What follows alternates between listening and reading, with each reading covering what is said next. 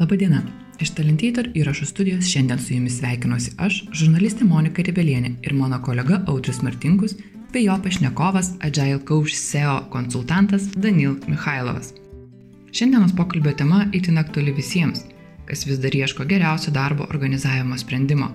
Tad kas yra Agile ir kaip ši filosofija veikia, sužinosite jau visai netrukus. Jei į mūsų pokalbio kambarį užsukote pirmą kartą, Kviečiame po jį pasidaryti labiau ir nepamiršti čia užsukti ateityje. Visi pokalbių įrašai taip pat talpinami mūsų internetinėme puslapyje talentator.com ir Talentator bendruomenės mokymų platformoje training.talentator.com. Nu, žmogus supratęs turėti profesiją. Tai žmogus turi profesiją, nu, tarkim, aš programuotojas. Ne? Ir va tas pasakymas, aš programuotojas, nu, tai va čia ir yra tas, ne, identitetas. Bet įmoniai netinka, kad tu vien programuotojas, tu esi įmonės darbuotojas konkrečios, ne, tu esi programuotojas, tu esi komandos narys, visa tai yra identitetai. Ir pakol jie yra sustiguoti, tai yra, kas yra, kaip čia sakyti, aukštesnio lygio identitetas, tai viskas tvarkoja. Bet kai jie nėra sustiguoti, tada prasideda niuansai. Pavyzdžiui, kai nori komandinio darbo, tai labai dažnai tenka priminti žmonėm, žiūrėkit, žiūrėkit, Taip, tu esi programuotojas, bet taip pat tu esi ten atformo darbuotojas. Tu tiesiog primeni, kad tą identitetą atformo darbuotojas. Nu, tai nesvarbu, tai sebo darbuotojas. Aš per futbolo komandos e, pavyzdį tą komunikuoju kartais, sakau, nu, kas yra geras futbolo žaidėjas. Mhm Ar tas, kuris bėga ir spėria į kamolį, kai jam yra pasakoma, ar tas, kuris stebi kamolį ir mato galimybę ir jisai bėga, nu kaip komandos žaidėjas, kuris interesuotas yra komandos sėkme, o ne individualiu kažkokiu, nu... Vakar šitą pavyzdį naudojau per mokymus, čia labai dažnas. Taip, nes sporto komandos yra, nu, lengviausia suprasti. Tarsi žmonės įpratę mąstyti sporto komandas, tai apie jas lengviausia bendrauti. Tai mes susipažinom komentaruose. Tikrai, nu, taip, taip, jeigu reikėtų vadinti, žinai, komentaruose. Nu, viskas. Taip. O Dridalio knyga. Uh mhm. Pats skaitėjai, kada, prieš kiek metų skaitėjai? Ne, aš ne prieš metus, aš skaičiau visai nesenai, laik visai nesenai. Ir, tu bionest, aš klausiau. Nu, okay. Man labai pastaruoju metu, tai čia jau pusantrų metų, patiko ir labai gerai eina Impact Theory podcastai. Uh, ten pakviečia tikrai labai tokius nu, sėkmingus, sėkmingus, daug pasiekusius žmonius, labai daugelypius. Na ir jie pasakoja apie save, kaip jiems sekėsi ir panašiai. Ir va Raidalio ten irgi dalyvavo, pasirodė, pasirodė labai įdomu, na ir tada prisisinčiau audio knygą, nes daug audio knygų šiaip iš tikrųjų yra YouTube, žmonės nežino, bet YouTube ne. yra labai daug Man audio knygų. Man patogu klausyti, žinai, aš taip knygų irgi daug klausau per metus, perklausiau daugiau knygų negu per visą gyvenimą perskaičiau. Va, va, va, va, va, va. tai čia mano pastarėjai metai. Tai, bet vad konkrečiai šitos nėra YouTube, tai, nu, nusipirkau tiesiog per Audible ir perklausiau. Tai labai nesenai, čia, nežinau, turbūt ir prieš mėnesį gal. Bet labai surezonavo, nes a, labai nemažai patirčių yra e, nu, išlikę iš to pačio platformo, kur nu, tikrai tu žiūri, o, o žiūrėk, va, ir tas rezinu, ir tas rezinu. Plus nemažai jau, nu vis tiek, kadangi dabar po daug klientų vaikštau, nu ir pas klientus pastebi tam tikrus dalykus. Ne viskas, prisipažinsiu, ne viskas, kai kurie dalykai ne, bet vis dėlto. Vat, tai vat. O kaip tu pats, nu jeigu taip trumpai, reikia, aš jau trumpai neįmanau, galiu visą dieną pasakot, kaip tu Agile traukinį įsėdai ir kas yra Agile ir... Oi, ne, taip, čia lengva, šitą istoriją aš privalau papasakoti, aš jau turiu, žinai. Tai, gerai, gerai, tai, o kaip papuoliai va iš tą traukinį? Jo, žinok, visiškai atsitiktinai. E, realiai 2008 e, metais, e, tai tada dirbau dar prieš tai kitoje kompanijoje, labiau su kitukais. Ir turėjome tokį klientą ir matyti, jie jau kažką žinojo apie Agile, o mes dar ne, nes jie su mumis pasirašė tokį savotiškai įdomų um, kontraktą. Ten vienaip ar kitaip, bet gavosi taip, kad jie priiminėjo iš mūsų uh, darbus iteratyviai. Tai va, tai reiškia, nu, kas mėnesį mes e, pridavinėjom jiems darbus. Ir, e, nu, grubiai tariant, nu, negalėjau jie visiškai taip atsisakyti mūsų taip paslaugų, taip pat op ir atsisakom. Nu, turėjo būti kažkas negerai. Vat, o 2008 metais, nu, kas buvo 2008 metais? Buvo krizė. Daug ne? pastatų statėsi, kranų daug buvo, primena vaizdą dabar. Taip, taip, taip.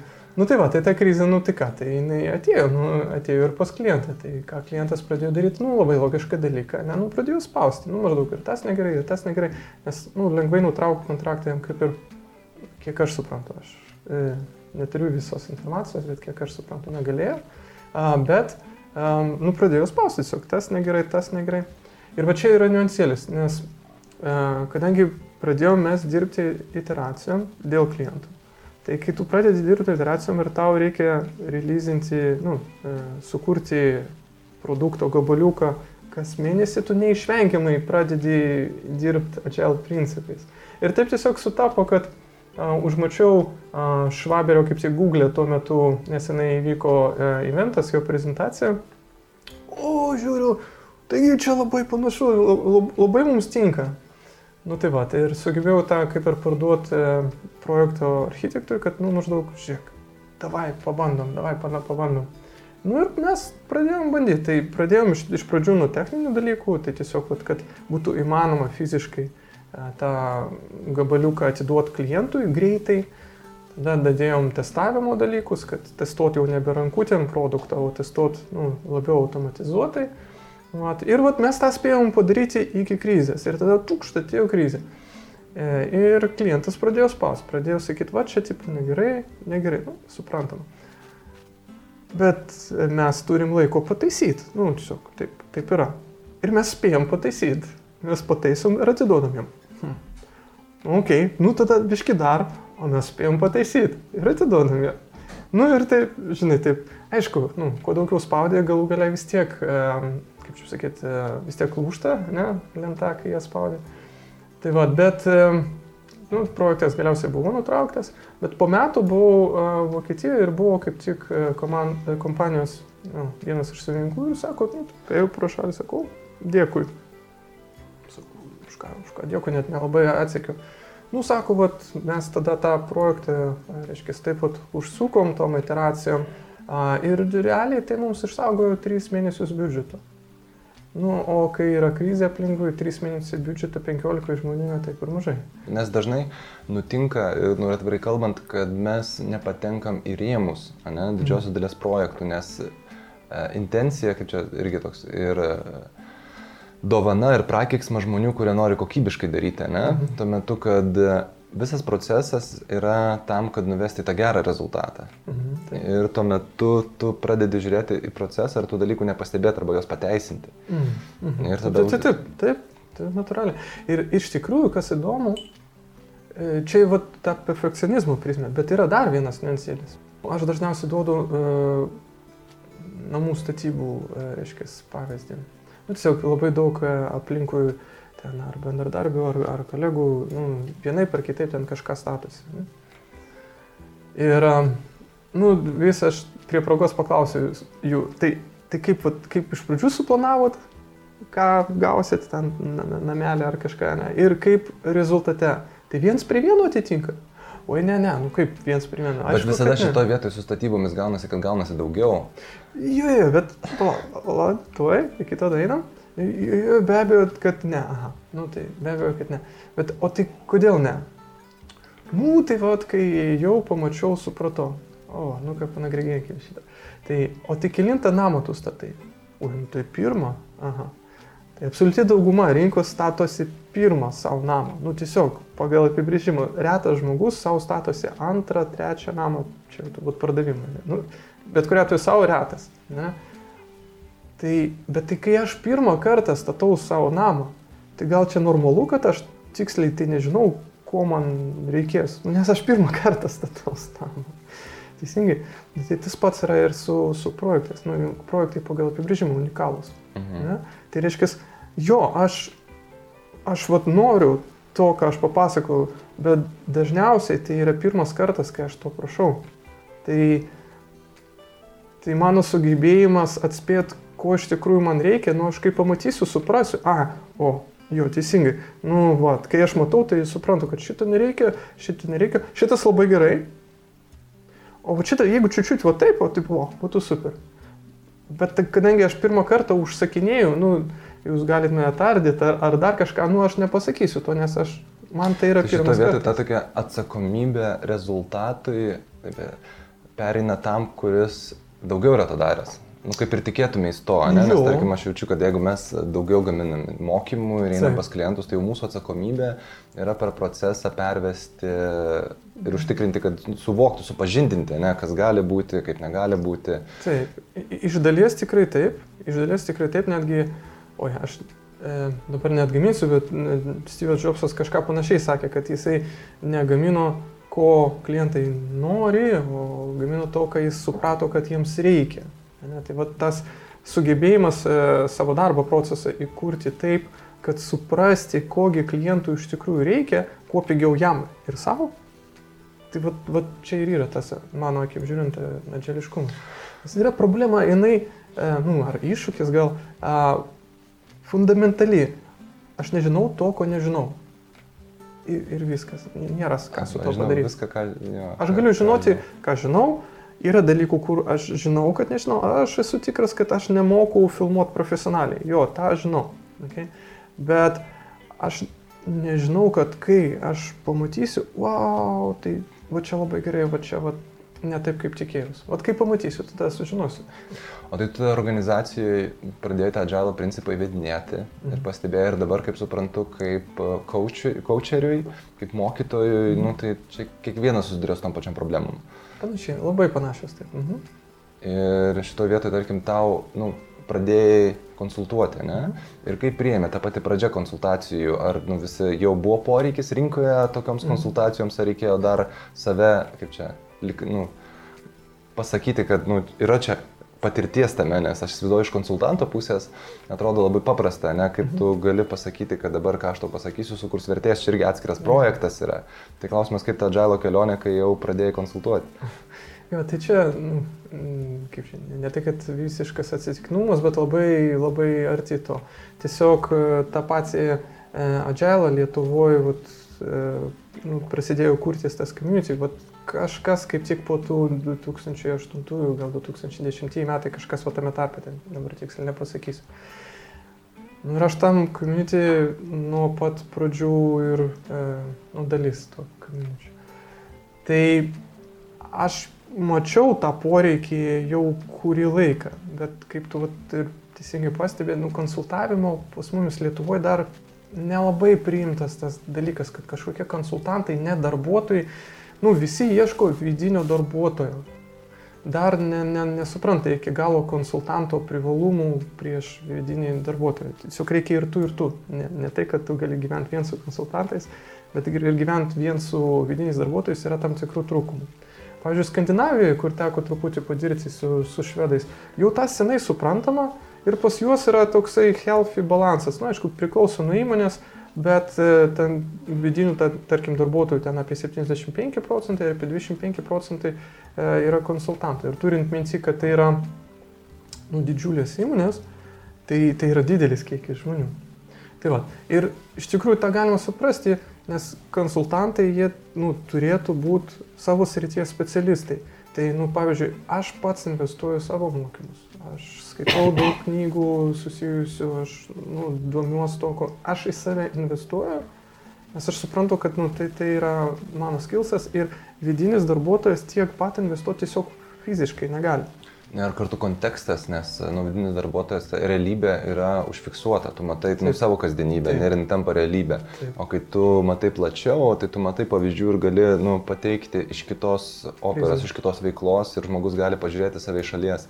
Mes darėm prieš keturis metus uh, tokį siužetas uh, specialiosios ūkdymo programai, mhm. kur lektoriai važiuoja per Lietuvą ir turi paskaityti paskaitas tėvams, kurių ten vaikai nelanko mokyklų mhm. ir tuo metu jie turi susirinkti ir išklausyti tam tikrą kiekį nu, mhm. mhm paskaitų. Mhm, mhm. Tai kad lektoriui būtų lengviau pradėti kalbą, mes filmavom keletą skirtingų situacijų, kur yra visiškai identiškos situacijos, mhm. bet vienoje situacijoje yra elgimasi vienaip, nu, tarkim, ten sunus nori išeiti į vakarėlį. Mhm Ir jisai prašo, tėvai žiūri televiziją, žinai, ir mama sako ne, o tėtis sako, nu tai motina, nu tai išleisk, nu taigi viskas tvarkoja, žinai. Tokia situacija.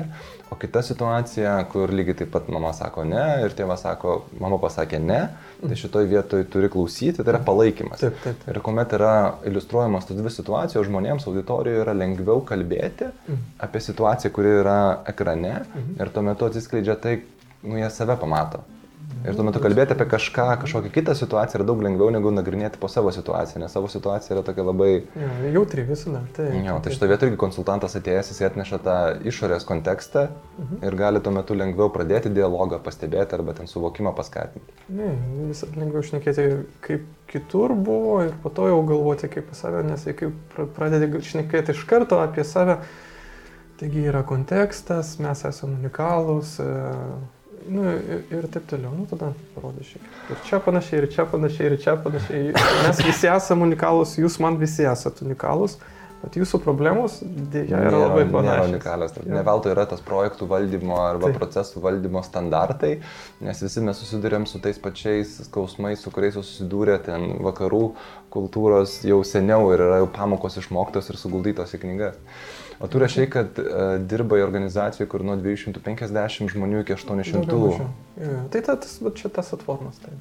Tas ir kaip tenai viskas nu, įvyko, prasme, arba kokį vaidmenį e, veikia, aš suprantu, organizacijoje yra bendravimas mhm. viena dalis, kita dalis yra technologinė mhm. nu, infrastruktūra, kuri padeda užtikrinti, nes kai tiek daug žmonių komunikacija tarp jų arba nu, darbas, kad nepasimas irgi yra svarbi. Mhm. Tai kokie iššūkiai buvo ir nu, mhm. kaip sekėsi Čia, aišku, ganėtinai platus klausimas, bet pabandykime kažkaip skatinti. Tai um, turbūt vienas didžiausių iššūkių yra tai, kai kompanija auga, auga ir tu jau nebepažįsti visų. Mm. Nu, tiesiog jau tu pasiekė tą ribą, kur viskas. Aš nebegaliu pažinti visų e, ir tada tai jau, op, tai jau visiškai kitokia situacija.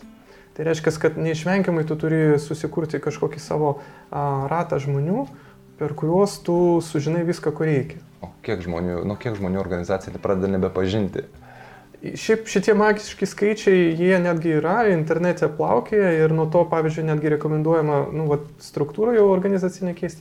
Bijau pamiluoti, bet man atrodo, žmogus taip pat fiziškai palaikyti gali apie 150 nuo žmogaus priklauso, ne tokių aktyvių a, bendravimo ryšių. Bet natūraliai 150 žmogus, ne, bet aš turiu šeimą, turiu draugus, ne, tai šiek tiek surėma ten ir tai reiškia, kad kažkur ten 100 plus minus, tai yra va ta riba. Jeigu žmogus labai socialus, galbūt jo, nu, jis gali palaikyti daugiau, bet jis daugiau ir išrai turi ryšių ir va, nu, kažkas grubiai tariant tokio. Tai Jo, tai vat, kažkas apie 120-150 yra kažkur vat, riba, kur jau opo pradeda sunku būti pažinti visus. Labiau socialūs žmonės, jie vis dar sugeba nu, daug pabendrauti, bet šiaip pat kažkas. Ir kas tuo metu toje agile kompanijoje svarbu, tarkim, ar nu, kažkokios vertybės, ar charakterio savybės kaip principai. organizacija, principai. Nu, vat... tai va čia šitoje vietoje žmonės um, truputį Žmonėms ne visada patinka, kaip pasakai, bet, bet žiūrėkit, nu, galiausiai reikia pasižiūrėti vertybės ir principus. Žmonės nemėgsta vertybių ir principų, nes labai, nu, taip neapčiuopiama. Abipusis toks klausimas yra, nes, tarkim, irgi mes šeimoje šitą klausimą mhm. keliam. Ir gali atrodyti, kad nu, to klausimo yra vengimas, nu, tarkim, ne, bet aš suprantu iš kitos pusės, kad tai yra tiek svarbus klausimas, kad jam galbūt reikia nu, atskiro laiko tiesiog nu, suprasti, nes nėra taip, kad kažkoks paėmė, va, tarp kitko įdamas ir va čia ta ta vertybė. Jo. Bet organizacijose lygiai tas pats, nes kai tikrai tu iškeli šitą klausimą, įvyksta ta pati identiteto krizė. Tikrai taip, tikrai taip. Taip pat ir, ir šitoje vietoje Nu, yra daug variantų, kaip tai padaryti. Mes tuo metu ėjom tokiu, sakykime, lead by example, tai yra, nu, kokį elgesį demonstruoja vadovai, el, tokių elgesių užsikrečia, sakykime, ir darbuotojai.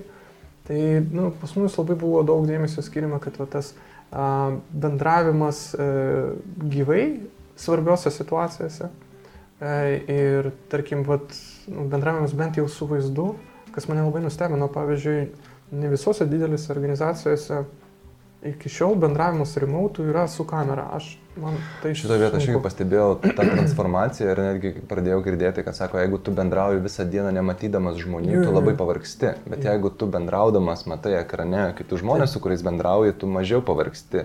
Ir šito vietoje, kai mes prieš metus pradėjom intensyviai naudoti tą nuotolinį darbą, mhm. bet ne tai, kad mes čia didelis ofisas mhm. ir taip toliau, bet tiesiog, kad išvaduoti save nuo transportavimo. Taip, taip, taip. Laikas mes klientus įtraukėm į būtent tą bendradarbiavimo erdvę ir tuo metu tas laikas, kurį mes skirtume važiuoti, kalbėti, rodyti, dabar gali virsti produktyvių darbų. Ir mes pradėjom tuo pat metu įrašinėti susitikimus. Mhm. Taip. Tai ir vyko du tokie netikėti dalykai. Tai yra, kad susitikimai sutrumpėjo. Mhm. O, ir atmintis pagerėjo žmonių.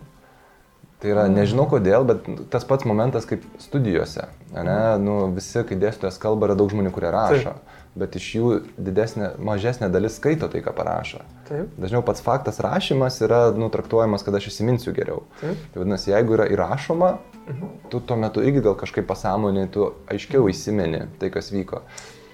Ir čia irgi yra dar viena atskira tema, kaip tik šitoje vietoje labai daug dabar bandau suprasti, kas kaip veikia, nu, nes kadangi tenka mokėti, tai tenka išsiaiškinti ir kas veikia, kas neveikia. Mhm. Nu, bet čia dar viena atskira tema. O kokie iššūkiai šito vietoje temai? Tai jokių iššūkių, tiesiog tai yra plati tema. Nu, čia plati tema, aš irgi mes pradėjom kalbėti apie tokius terminus kaip organizacinė atmintis, Organizacinė atmintis. Jo, kas tai yra, nu, kiekviena organizacija turi atminti, tik klausimas yra, kur ta atmintis yra išsaugota. Mhm. Ar jinai yra pasiekiama kitiems naujiems darbuotojams. Ir dažniausiai atmintis, e, nu, gyvena ant kaklo ir turi kojas. Mhm. Ir šitą vietą arba labai sunkiai pasiekiama, arba nuteka iš organizacijos, išeina. Mhm, taip, taip. Bet jeigu tu pradedi naudoti tas bendradarbiavimo erdves, kuriuose yra komunikuojama viešai, mhm. pradedi rašinėti susitikimus, tai pradeda kauptis tokia, nu, duomenų informacijos bazė, mhm. kur naujas atėjęs žmogus gali pasikapstyti po praeitį, mhm. ar projektų patirtą, diskusijų, ar pokalbio, ar sprendimų prieimimo ir tuo metu jisai gali labiau tą organizaciją pažinti, mhm. būdamas, nes tarkim tos pirmos dienos naujo darbuotojo, kuris ateina, būna, žinai, ateini ir, nu gerai, dabar kažkas turėtų ateiti ir kažką man pristatyti, žinai, nuvesti mhm. už rankos. Jo, tai čia yra tiesioginis suvokimas, kad kultūra ir organizacija yra susiję dalykai. Tai kiekviena organizacija, nori to ar, to, ar nenori, turi viduje kultūrą. Ir kultūra nėra vienas kažkuris žmogus. Kultūra yra va, tos bendravimo normos, kurias mes vienaip ar kitaip įsisteigėm savaime. Kas yra gerai, kas yra blogai, kaip priimami sprendimai, kaip yra informacija skleidžiama arba neskleidžiama visa tai yra, nu. O kaip komunikacija, tarkim, šitoje vietoje, nu, su organizacijom susiduri daug ir, tarkim, įdomu, kad tavo nuomonė į terminą, kaip sureaguos, yra tokia vidinės komunikacijos sveikata. Aha, toks, nu, toks terminas, kurį nu, gražiai skamba, atrodo kaip terminas ir rezultate jį galima pamatuoti. Tai yra, tu gali matyti, aš nežinau, mes čia irgi niekur moksliniais tyrimais Aha. nesigrindėm, bet savo organizacijos pavyzdžių pradėjom stebėti, mhm. kiek komunikacijos vyksta privačiose erdvėse. Mhm Tai yra ten vienas su vienu, kaip Skype mhm. arba ten e-mailais, o kiek vyksta bendros erdvėse, mhm. nu, kaip komandose. Mhm. Ir šito vietos santykis buvo vienas prie 45. Wow. Tai yra 45 kartus daugiau komunikacijos ir čia, nu, tai aš ir pradėjom tuo metu komunikuoti, aiškiau vertę tos bendros komunikacijos. Nu, tarkim, jeigu vyksta projektas, mes kalbam bendroje erdvėje Taip. ir vienam iš projektų dalyvių, nežinau, susirga, išvyksta atostogų. Tuo metu kontekstą reikia perimti. Taip. Ir šito vietoje, jeigu to konteksto nėra viešai prieinamo, tai Taip. tai tas žmogus bus labai trukdomas. Ir pradėjom stebėti uh, santyki ir tą santyki pavadinom organizacinė sveikata mhm. komunikacijos. Ir per 3-4 mėnesius sugebėjom 5 kartus sumažinti mhm. ir tuo metu dar po kelių mėnesių tas santykis sumažėjo iki 1,2,5. Mhm. Tai yra privati komunikacija išliko, mhm. jos kiekis nepadidėjo, bet labai išaugo viešos komunikacijos mhm. ir tuo metu tos informacijos klaida, jinai tapo natūralesnė. Taip. Labai įdomu, kaip jūs matuojat, nes aš girdžiu konkrečius skaičius, bet e, kaip jums pavyksta tai pamatuoti? Tai mes imam bendradarbiavimo erdvę, kaip mhm. pavyzdį Teamsai, mhm. ir tuo metu statistikoje yra du rodikliai. Mhm. Tai yra chat messages mhm. ir channel messages. A, supratau. Tai yra privačios žinutės ir tos žinutės. Mhm. Ir tuo metu galima įvedinėti ten irgi tos susitikimus, mhm. kiek įrašomų susitikimų, neįrašomų. Būtent vien stebint tuos skaičius, jau taip. Tu pamatai paveikslą, ne? Ir mhm. tarkim, mes organizacijos irgi konsultuodami susitinkam ir sako, nu pamatuojam, pažiūrim, žinai, iš pradžių paklausim, nu sako, ten vienos organizacijos Estijoje, sako, nu bus vienas prie dešimt. Pažiūrėjom vienas prie šimto. Tai tuo metu tu kaip vadovas supranti, kiek daug informacijos yra neišsaugoma. Taip, taip, taip. Ir tuo metu ta neišsaugota informacija nevirsta patirtim. Taip. Nes taip pat ir susitikimai, jeigu nebūtų galimybės įrašyti, tai tuo metu turėtum susitikinėti su visais, kurie nori išgirsti. Taip, taip. Bet kadangi tos technologijos jau leidžia mums perteikti ir nu, susitikimą, dabar nežinau, žiūri kas nors daugiau iš ofiso mūsų pokalbį, bet mintis mažoje erdvėje nu, tas yra neįmanoma, žinai, žmonės gali darbuotis, klausyti taip, kaip audio knygos. Nu, labai įdomu, jo. Uh, kai, kai kalba eina apie komunikaciją ir komunikacijos sveikatą ir dar yra toks dažnas terminas, uh, kaip čia, uh, patobulinti komunikaciją, improve communication. Ne? Tai man asmeniškai, kai, nu, tokia, šiokia tokia, nu, aš šališkas turbūt, šiokia tokia alergija, kai aš girdžiu, kad žmonės šneka apie taip, kad patobulinti e, komunikaciją, tai man tai reiškia, kad žmonės kažką ne tą daro. O kaip agile? Komunikacija tarkim... yra pasiekmė, o ne priežastis. Tai jeigu tu nori patobulinti komunikaciją, tau reikia kitus dalykus keisti kad pasikeistų komunikacijos. Nu, komunikacija yra rezultatas, net tikslas, nu, toks jo, kaip, jo, jo, kaip jo. oras kvepuoja, žinai. Nu, vat kažkas panašaus, taip. Pavyzdžiui, ką mes darom, uh, nu, sakykime, taip, su agile principais, ne, tai mes nesakom, nu, davai susirinkim ir pašnekėkim, kaip patobulinti komunikaciją. Surasti kaltus, ne? jo, jo. Tai ką mes darom, mes tiesiog užtikrinam, kad komunikacija negali neįvykti. Ką tai reiškia? Pavyzdžiui, mes turim vat, kasdieninius tos e, nu, stand-upus, ne, tos mini susirinkimus, rytinius, ten 15 minučių, visi apsitariam, kas įvyko ir kas šiandien planuojama, kad įvyks. Tai, va, tai viskas, tai prasme, tiesiog sistema, apie ką ir dalio rašo, sistema užtikrina tai, kad komunikacija įvyks, o ne neįvyks. Ir tada tau nereikia tobulinti komunikaciją, nereikia kurti tokio projekto, nes uh, tu tiesiog sukuri sistemą, kuri užtikrina, kad komunikacija įvyks. Tai ne nemokama, nu, ta prasme, tai yra laikas, laikas žmonių. žmonių taip, taip, taip. Tačiau nu, man labai įdomu būtų atmutuoti, o, o, o kiek kainuoja ta situacija, kai komunikacija nebuvo užtikrinta. Nu, galų galia pats faktas, kad kažkas iškėlė problemą, kad reikia tobulinti komunikaciją, pasako, kad problema kaip ir suprantama, kad tai yra problema. Ne? Kaina tos problemos yra sunkiai pamatuojama o kaina, kad vat, mes 15 minučių visi pastovėsim, pamatuojama labai lengvai. Ir tada nu, atsiranda toksai sudėtingas sprendimas. A, tai čia aš matau akivaizdžiai kostus, mm, kaštus, o čia nematau. Ir kaip vat, pateisinti tai? Tai, va, tai šitą vietą aš kaip ir sakau, kaip, žinai, jeigu mes nu, žiūrim knygą, Tai žiūrėkim ir į puslapį iš kairės, ir į puslapį iš dešinės. Tai jeigu mes žiūrim e, į kaštus, tai žiūrim galbūt ir e, į duodamą naudą. Nu, ir jeigu mes negalim pamatuoti vieno arba kito, tai nereiškia, kad to neegzistuoja. Tai nu, negalima ignoruoti. Tai va, tai mes visą tai vat, kūriam kitokiais darbo principais. Mhm. Sukuriam kitokius darbo principus, kad komunikacija tikrai būtų užtikrinta. Nu, ir Agile atveju mes labai vertinam gyvą komunikaciją, bent jau ten, kur darbas labai aktyvus. Tai vad konkretus projektas. Ne? Tai vat... nu, kur įmanoma tokia, nes nu, čia irgi mhm. šito vietoje gyva komunikacija yra tai, kai aš kalbu su žmogum ir turiu su juo ryšį. Nu, taip, tarkim, taip, taip. dabar nutolusiose organizacijose dažnėja tie tokie, nu irgi stand-upai, kur tuo metu dalis organizacijos ten gal kažkur bėgimės ant telefono, bet vis tiek dalyvauja tam susitikime. Jo, jo, jo. Ir, pavyzdžiui, čia, nu, čia tiesiog skirtingi, kaip sakant, lygiai. Pavyzdžiui, jeigu, nu, kaip mes ilgą laiką dirbom Kaunas Vilnius, ne, ir komanda ir Kaune, ir Vilniui, Nu gerai, tai tu bent jau užtikrini, kad yra kamera čia, yra kamera čia ir mes tą stand-upą darom vis dar visi kartu bet nu, prieš kameras.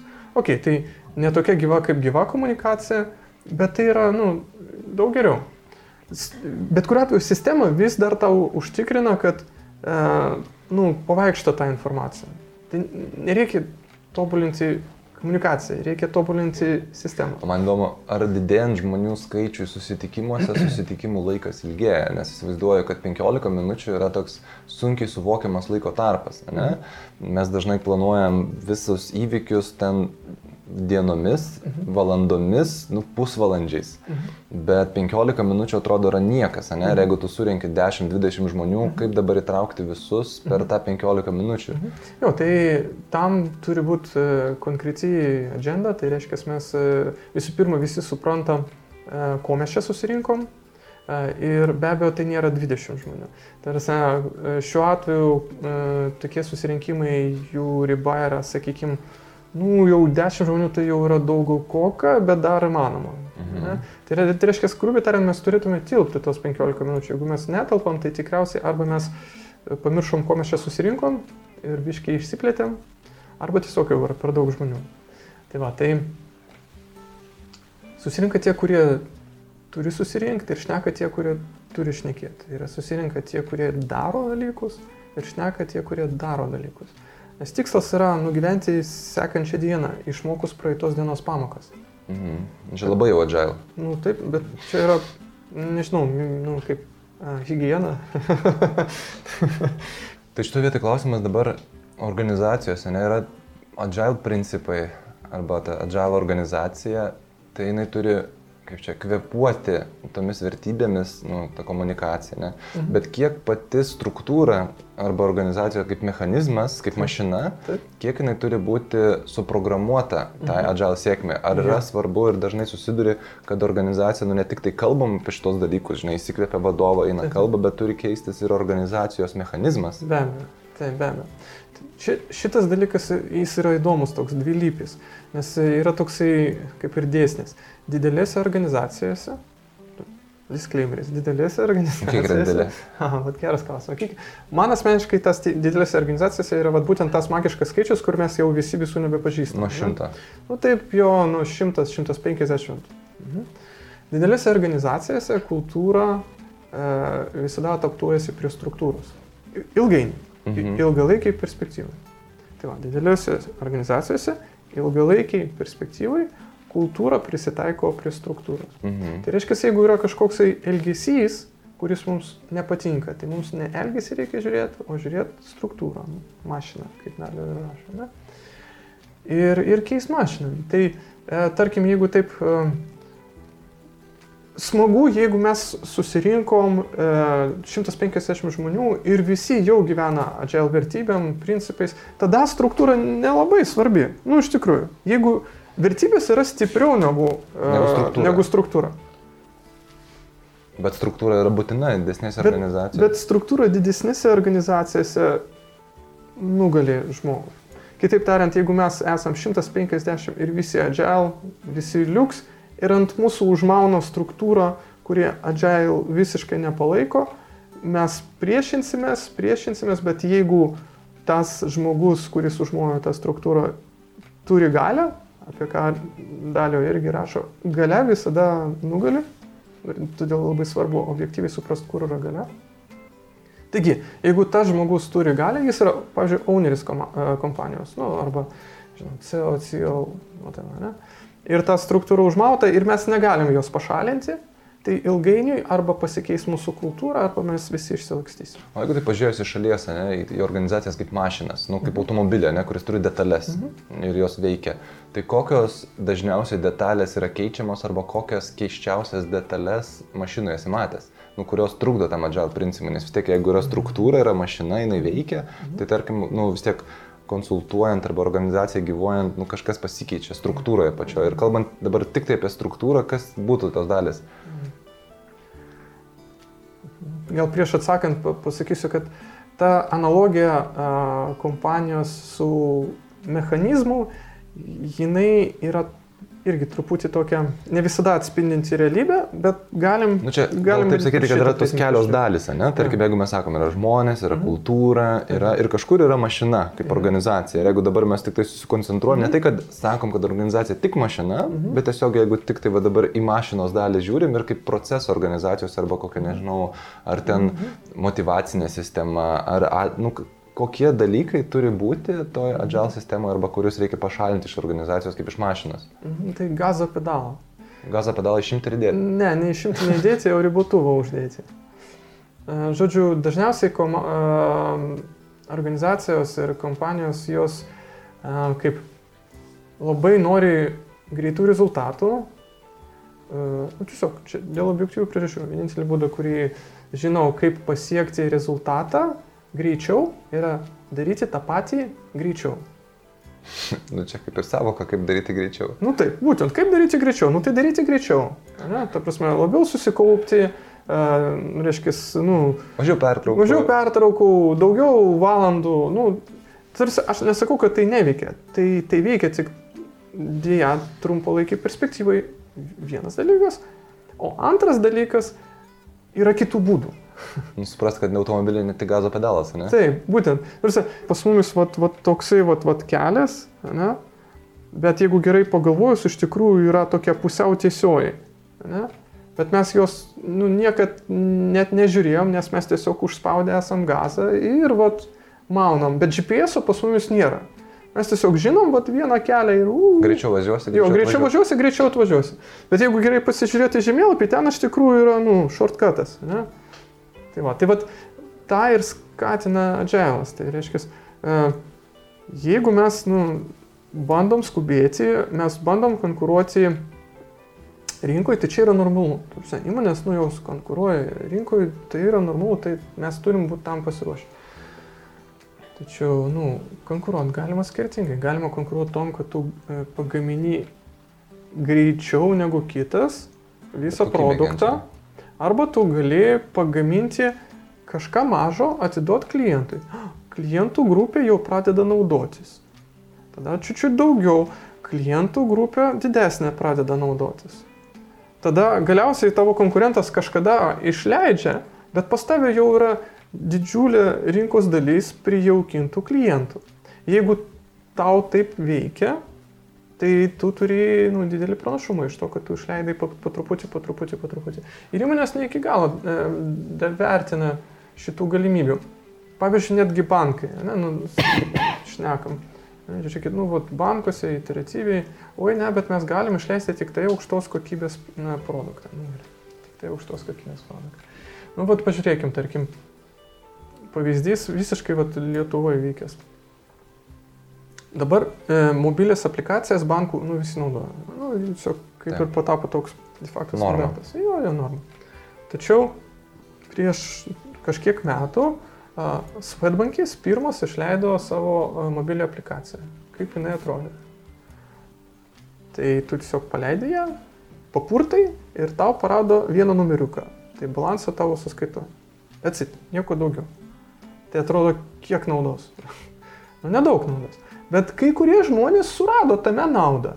Ok, tai jie jau pradėjo naudotis. Taip, labai nedaug žmonių, bet jie jau pradėjo naudotis. Mes jau galim protestuoti savo infrastruktūrą, savo galimybės e, paleisti produktą į gyvenimą. Tai yra, jau mums sukuria šiokią tokią naudą ir mes užimėm šiokią tokią mažą dalelytį rinkos. Tada išleido papildomą funkcionalumą. O, tada jau daugiau žmonių suprato, kokią naudą, čiūčiu daugiau pradėjo nu, žmonių naudoti. Mhm. Ir taip toliau, ir taip toliau. Tai tada, kai galiausiai ir kiti pradėjo išleisdinėti savo um, programėlės, nu, tai jiems jau reikia atiminėti rinką. Ne užiminėti rinką, o atiminėti rinką. O atiminėti rinką yra visada brangiau. Mhm. Tai nereiškia, kad jeigu tu taip pat po biški, po biški nuvažiuoji į, į, į pievas, kad iš tavęs netims. Aišku, atims. nu, jeigu kažkas sugebėjo vienaip ar kitaip daug geriau atspėti, ko reikia, o tu nesugebėjai, nu, bedlak. Uh, bet bent jau susikurt savo tą galimybę tu gali. Taip tu gali, gali judėti, kaip, kaip pasiekti rezultatą greičiau, judant lėčiau. Judėjimas greitai sukuria viduje nereikalingą spaudimą. Mhm. Žmonės pamiršta apie kokybę, žmonės pamiršta apie gerasias praktikas. Apie kultūrą. Apie kultūrą, apie tai, kad mes, jeigu nesimokinam, tai mes atsiliekam. Tarsi, nėra stovėjimo vietoje. Su žiniom nėra stovėjimo vietoje. Tu arba mokinies ir judi į priekį, arba tu nesimokini ir judi atgal. O šito vietoje pavyzdys man vienas yra, kai pedagogams teko nuskaityti keletą pranešimų ir apie ūkdymą, nu ir iš principo pasižiūrėti, kur pas mus sąmonė yra užsifiksavęs nu, žinios apie mokymąsi. Mums sakydavo, gal ir tą mokyklą sakydavo, ko išmoksi ant pečių nenešiosi. Nu, tokia savoka visiems žinoma. Ir man taip aš pradėjau galvoti apie ją ir suprantu, kad jinai pasąmonėje sudėliojo tokią lygtį. Kad kai aš išmoksiu, aš nenešiosiu. Tai vadinasi, yra mokymosi pabaiga, mhm. kuomet mokytis nebereikia. Bet einant per gyvenimą, aš suprantu, kad kiekvieną dieną, mat, jau 33 toj metai, aš mhm.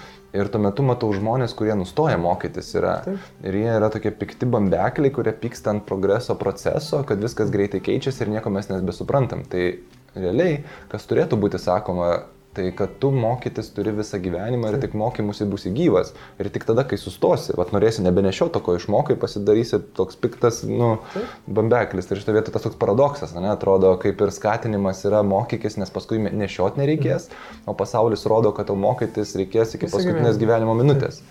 Šitą vietą galbūt man, e, nu, ir negalbūt, turbūt tikrai pasisekė, nes vat, o įstojus į programavimą mums tą pasakė vos ne per pirmą paskaitą. Ne, tiksliau, ne vos, o tiksliai per pirmą paskaitą, dabar nesimenu, kurio, reiškia, kurios programos, bet dėstytojas atėjo ir pasakė, sveikinu, jūs įstojot į programavimą, kurio jums reikės mokintis visą gyvenimą. Tai vad galbūt ir... Ir visai... džiaugsmai buvo tuo metu. Visi, valio, labai gerai, teisingai pasirinkimą padarėm. Tai, bet galbūt ir gerai buvo, kad jis tai pasakė, nes, e, vat, realiai, nu, tiesiog programavime taip yra. Ten labai greitai, nu, saliginai, viskas yra palyginime, ne? Saliginai greitai pasensa tos žinios. Bet va tas įprotis, kad, nu, vat, pastovi kažką mokintis, kažką žiūrėti, jisai, nu, vat, lieka. Ir kas yra įdomu, va, ypatingai dabar, nu, pastaruoju metu tiesiog labai e, daug su, su visokiais mokymais susiduriu. Tai, o kada mumis mokino mokintis? Nu, mokykloje turėjom išmokti, bet apie mokymosi procesą, tokį kaip gyvenimo variklį, nu, ne, nu, mhm. yra, yra, yra perliukų, jeigu, sakau, būtų galimybė surinkti a, mokytojų gerų iš visos Lietuvos po vieną ir sudėti į mokyklą, galima padaryti tobulą mokyklą.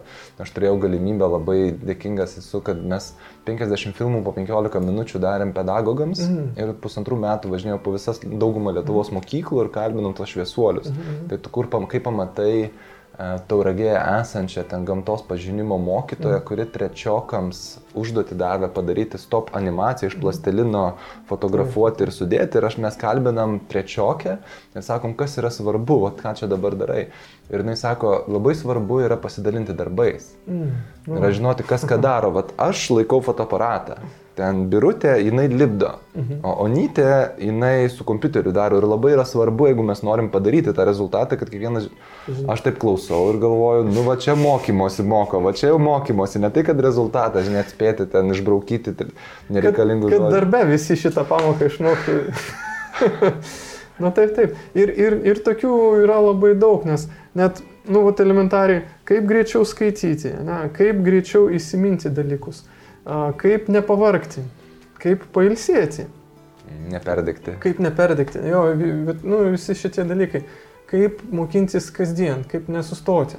O kai nu atsakomybė, tarkim, yra, nu, neatsakomybė čia toks labai, kaip čia, aštrus žodis, bet kas turėtų būti suinteresuotas šituos e, įgūdžius mokymosi puoselėti? Aš suprantu verslas, mhm. nes jis interesuotas, kad jeigu nu, žmonės mokosi, tai tuo metu ir įmonė tampa mhm. konkurencingesnė. Žmogaus intencija yra, kad jisai nu, nenustotų mokytis. Mhm. Tai tuo metu čia yra visų tokia bendra nu, atsakomybė. Mhm. Jo, tai kas trukdo tada? Ta atsakomybė kaip sakant, e, į gyvenimą atnešti. Klausimas dabar irgi šitoje vietoje, ne? dabar su mokymais mes susidurėm ir dažnai nu, susidurėm kada su kompanijom, kurios vienas iš, viena iš idėjų nuotolinių mokymų yra tai, kad darbuotojas mokytųsi nedarbo metu. Mhm. Ir tuo metu darbuotojas nėra suinteresuotas mokytis nedarbo metu, nes tai yra nedarbo laikas. Aš ateinu ir man moka už tai, kad aš būnu ir darau viską, ką man pasako. Aš esu geras darbuotojas. Geras darbuotojas esu tada, kada padarau viską, ką man pasakė. Ir ne daugiau, nei mažiau. Kodėl darbdavys suinteresuotas, kad nedarbo metu? Kad daugiau laiko būtų, greičiau būtų. A, tai reiškia, ko nėra? Ko pas darbdavį nėra? Laiko. Ką reiškia nėra laiko? Mes visi žinom, ką reiškia nėra laiko. Vienodai laiko tiek pas Obamą, tiek pas... Taip, tai, tai reiškia ne prioritetas, tai reiškia darbdavys iki galo nesupranta mokymų vertės. Tai yra visi mes kaip ir nu, jaučiam, kad mokymai yra vertingi. Bet vat, jeigu aš pasakyčiau, žiūrėk, nu, dabar susitarėm, vat, kad kas penktadienį pusę dienos žmonės mokinasi. Tai reiškia, jie neatlieka dabartinių savo darbų, jie mokinasi. Bet, nu, man irgi tokia mintis, žinai, bet tuo metu turi būti struktūra, kuri sudarytų sąlygas ir komandiškai tos dalykus daryti, ne? Dabar kalbam apie dirbtinį intelektą, žinai, tai aš įsivaizduoju, kad greitai bus galima daryti ten, žinai, kad e, darbuotojai surinks į grupelę ir sakys, kad jūs mokotės to dalyko penktadienį, nu, kad būtų tas atskaitomybė arba nu, rezultato fiksavimas, ne šiaip, kad ne, bet, pusdienis laisvas. Bet atskaitomybė ir sakyt, kad tai yra labai faina, tai yra struktūra. pasikartosiu, jeigu yra aiškus tikslas ir yra aišku, kas priimtina, kas nepriimtina, ir yra skiriama laiko, žmonės mokinasi. Aš gal dar norisi kalbėti apie rodiklius, ten sėkmės matmenis, nu kaip yra matuojama, ne organizacijų, nes su kuo susiduriu, kad organizacijos yra taip kaip organizmas, žinai, kažkaip kažkas juos sulibdė, jie kažkaip juda į priekį ir važiuoja, sekasi arba gerai, arba blogai, bet jeigu tu pradedi žiūrėti parametrus, mhm. nu kažkokius tai, žinai, ten ar komunikacijos sveikatą, ar kažkokius failus, ar mhm. šiukšlės, tai yra procesas, per kurį turi perėti, kad pamatyti tą realų vaizdą, ne kaip organizmą kažkokį, kuris yra kažkur. Jo. Tai čia šitą vietą yra įdomus dalykas dalykas, nes palyginimas e, organizacijų su organizmu vis labiau ir labiau pagaliau ateina į rinką. Vis daug, toliau ir toliau nueina tas palyginimas su aparatu, ne, su technika ir vis labiau ir labiau ateina su, su organizmu. Organizmus vis dar, organizmus vis dar turi parametrus. Ne, tamsi, mano ranka yra tam tikro ilgio. Tai mes vis dar matuojam daug dalykų. Ne, tik tai mes suvokiam, kad, okei, okay, nu, ranka yra tam tikro ilgio, bet tai nefiksuotas ilgis, šiandien šilta, rytoj šalta ir visokių dalykų. Ne? Tarsi, tai tai nėra mechanizmas. Aš dažnai nu, naudoju tokį palyginimą. Ne?